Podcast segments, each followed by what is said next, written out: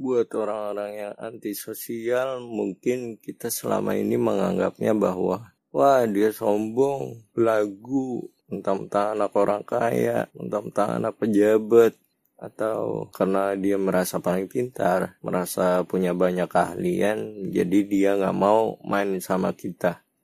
Padahal bagi sebagian orang yang dianggap antisosial itu, nggak semuanya benar-benar antisosial.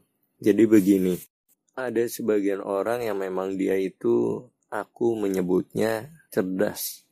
Jadi ada kaidah yang mau aku perkenalkan di sini yaitu pernah nggak kalian mendengar kalimat seperti ini? Kalau berteman jangan pilih-pilih. Pasti kalian pernah kan mendengar kalimat itu?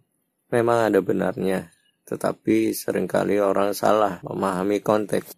Prinsip yang benar adalah berteman itu harus pilih-pilih tetapi dalam konteks kebaikan atau keburukan yang ada pada teman, pergaulan, atau orang tersebut. Jadi, jika teman atau pergaulan tersebut nggak bisa membawa pengaruh baik bagi diri dan kehidupanmu, ya maka kamu sebaiknya nggak bergaul dengan mereka, walaupun tetangga, walaupun teman dari kecil, bahkan saudara. Kecuali kamu punya keyakinan kuat untuk membawa pengaruh baik bagi mereka di pergaulan yang kamu anggap buruk.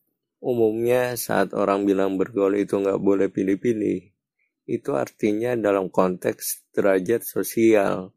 Jadi mau tua atau muda, mau dia kaya atau miskin, mau apa pun latar belakangnya dan lain sebagainya, dalam konteks itu kamu baru nggak boleh pilih-pilih ada sebagian yang pernah ku dengar juga kalau misalkan di lingkungan pekerjaan nih kan biasanya ada banyak posisi jabatan mulai dari security, OB, staff, dan yang lebih tinggi lagi jabatannya. Tetapi ternyata setiap divisi itu berkubu-kubu Artinya kalau bergaul cuma mau sama yang satu divisi aja. Padahal di perusahaan itu dalam satu gedung banyak divisi yang harus bekerja sama dengan baik satu sama lain. Tapi karena nggak ada kedekatan yang baik, jadinya perusahaannya nggak berkembang. Dan ada juga pergaulan di lingkungan perusahaan yang nggak cukup baik, bahkan nggak sehat. Jadi bergaul nggak boleh pilih-pilih itu dalam konteks derajat sosial tetapi pada prinsipnya bergaul itu harus pilih-pilih. Kenapa? Supaya kamu tidak terjebak dalam pergaulan yang buruk, teman yang buruk, atau pengaruh yang buruk, sehingga berpotensi mencelakakan masa depanmu. Memang aku akui ketika misalkan melihat orang yang sukses, ternyata punya track record masa mudanya bandel, bermasalah, gak pinter, gak juara di kelas, tetapi itu bukan berarti ukuran pasti dan mutlak bahwa oh kalau mau sukses berarti masa mudanya harus bandel dulu, masa mudanya harus liar, bebas, tanpa batas begitu. Tentu bukan. Sehingga ada sebagian orang tua yang membiarkan anaknya bebas tanpa batas. Tetapi eh malah kecolongan. Misalnya ada anak perempuan yang hamil di luar nikah entah pada akhirnya memilih untuk nahan malu atau diaborsi. Atau misalnya kalau ada anak laki-lakinya ada yang kecelakaan karena balapan liar sehingga cacat fisik seumur hidup.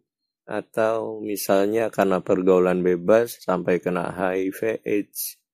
Atau ada juga yang kena narkoba sehingga harus dipenjara karena mereka pemakai juga pengedar itu semua kesalahan dari orang tuanya yang salah mendidik. Jadi aku ingin menegaskan di sini bahwa nggak cuma anak mudanya aja, tetapi orang tua juga perlu memperhatikan pergaulan anaknya. Toh juga kalau anak waktu mudanya baik-baik, walaupun di saat dewasanya terkesan biasa-biasa aja, bahkan percepatan kesuksesan di dalam hidupnya tertinggal jauh sama teman-teman sebayanya, itu masih lebih baik yang penting tugas orang tua adalah mendidik anak dengan baik selamat dunia akhirat. Bapaknya tahu tugasnya sebagai seorang bapak, seorang ibu pun juga tahu tugasnya bagi anak-anaknya. Buat kalian juga jangan takut, jangan minder, jangan bersedih hati kalau misalnya kalian yang sudah mulai untuk meninggalkan pergaulan atau teman yang buruk. Bertahanlah, Aku di sini berusaha untuk meyakinkanmu supaya kamu bertahan. Mungkin kamu akan menghadapi yang namanya kecemburuan sosial. Ketika kamu diajak, oh lu udah gak main lagi sama kita nih. Belagu lu, sombong lu. Biarin aja. Begini ya, aku di sini mencoba untuk menguatkan kalian yang sudah mulai berani untuk meninggalkan pergaulan atau teman yang buruk dan juga kalian yang belum berani karena banyak alasan. Coba dengarkan ini baik-baik. Seandainya akhirnya nanti kamu tahu kesudahannya akan menjadi orang buruk karena pergaulan atau teman yang buruk itu, maka pertanyaannya sederhana. Kalau kamu terkena keburukan yang tadi-tadi itu, yang celakaan, HIV atau kena narkoba dan lain sebagainya, apakah mereka akan bertanggung jawab atas keburukan yang menimpamu? Pasti enggak. Pasti mereka akan meninggalkanmu, walaupun ada contoh sebagian orang yang mau peduli sama temannya yang sudah terkena keburukan tadi. Tetap aja, walaupun mereka akhirnya sadar, taubat, kamu tetap rugi. Kamu harus move on, melanjutkan kehidupanmu dengan keburukan yang kamu tuai dari apa yang kamu tanam sebelumnya. Akibat bergaul dengan teman yang buruk, masuk ke dalam pergaulan yang buruk. Jadi untukmu yang masih mikir-mikir karena takut dan banyak alasan untuk meninggalkan pergaulan atau teman yang buruk, coba pikirkan. Mereka akan tanggung jawab apa enggak sih kalau kamu kenapa-napa? Kan pastinya enggak. Nggak sama sekali. Ujung-ujungnya siapa yang tanggung jawab? Orang tuamu. Orang tuamu yang kasihan. Orang tuamu juga yang susah. Belum bisa banggain orang tua, menyenangkan, membahagiakan orang tua, tapi malah menyusahkan mereka. Dan itu adalah segagal-gagalnya anak. Apakah lagi-lagi setelah kamu mendengar ini masih mau mengambil resiko bergaul sama orang buruk? Sama teman yang buruk, masuk ke dalam pergaulan yang buruk, kalau kamu masih sehat akalnya, harusnya enggak dan stop itu semua mulai hari ini. Memang akan gak enak rasanya sendirian, kesepian, merubah haluan yang tadinya suka senang-senang bareng teman, kini harus sendiri, bingung mau ngapain. Tapi itulah proses. Istilahnya growing pain, artinya sakitnya orang yang sedang tumbuh. Ketika seorang bayi mau numbuh gigi kan nggak enak rasanya. Tapi semua orang akan setuju bahwa ya lebih enak punya gigi daripada nggak punya gigi kan. Sama juga untukmu yang sedang berusaha untuk meninggalkan pergaulan atau teman yang buruk itu. Di awal rasanya memang sakit, gak enak rasanya, perasaan campur aduk, tetapi pada akhirnya kamu akan bersyukur bahwa kamu terselamatkan dari pergaulan atau teman yang buruk. Dan ingat ini, kalau di kemudian hari kamu merasa menyesal karena melihat temanmu yang buruk itu lebih sukses, lebih kaya daripada kamu, hartanya lebih banyak, padahal kamu tahu dia pergaulannya buruk, orangnya buruk, maka percayalah itu semua hanya tampilan.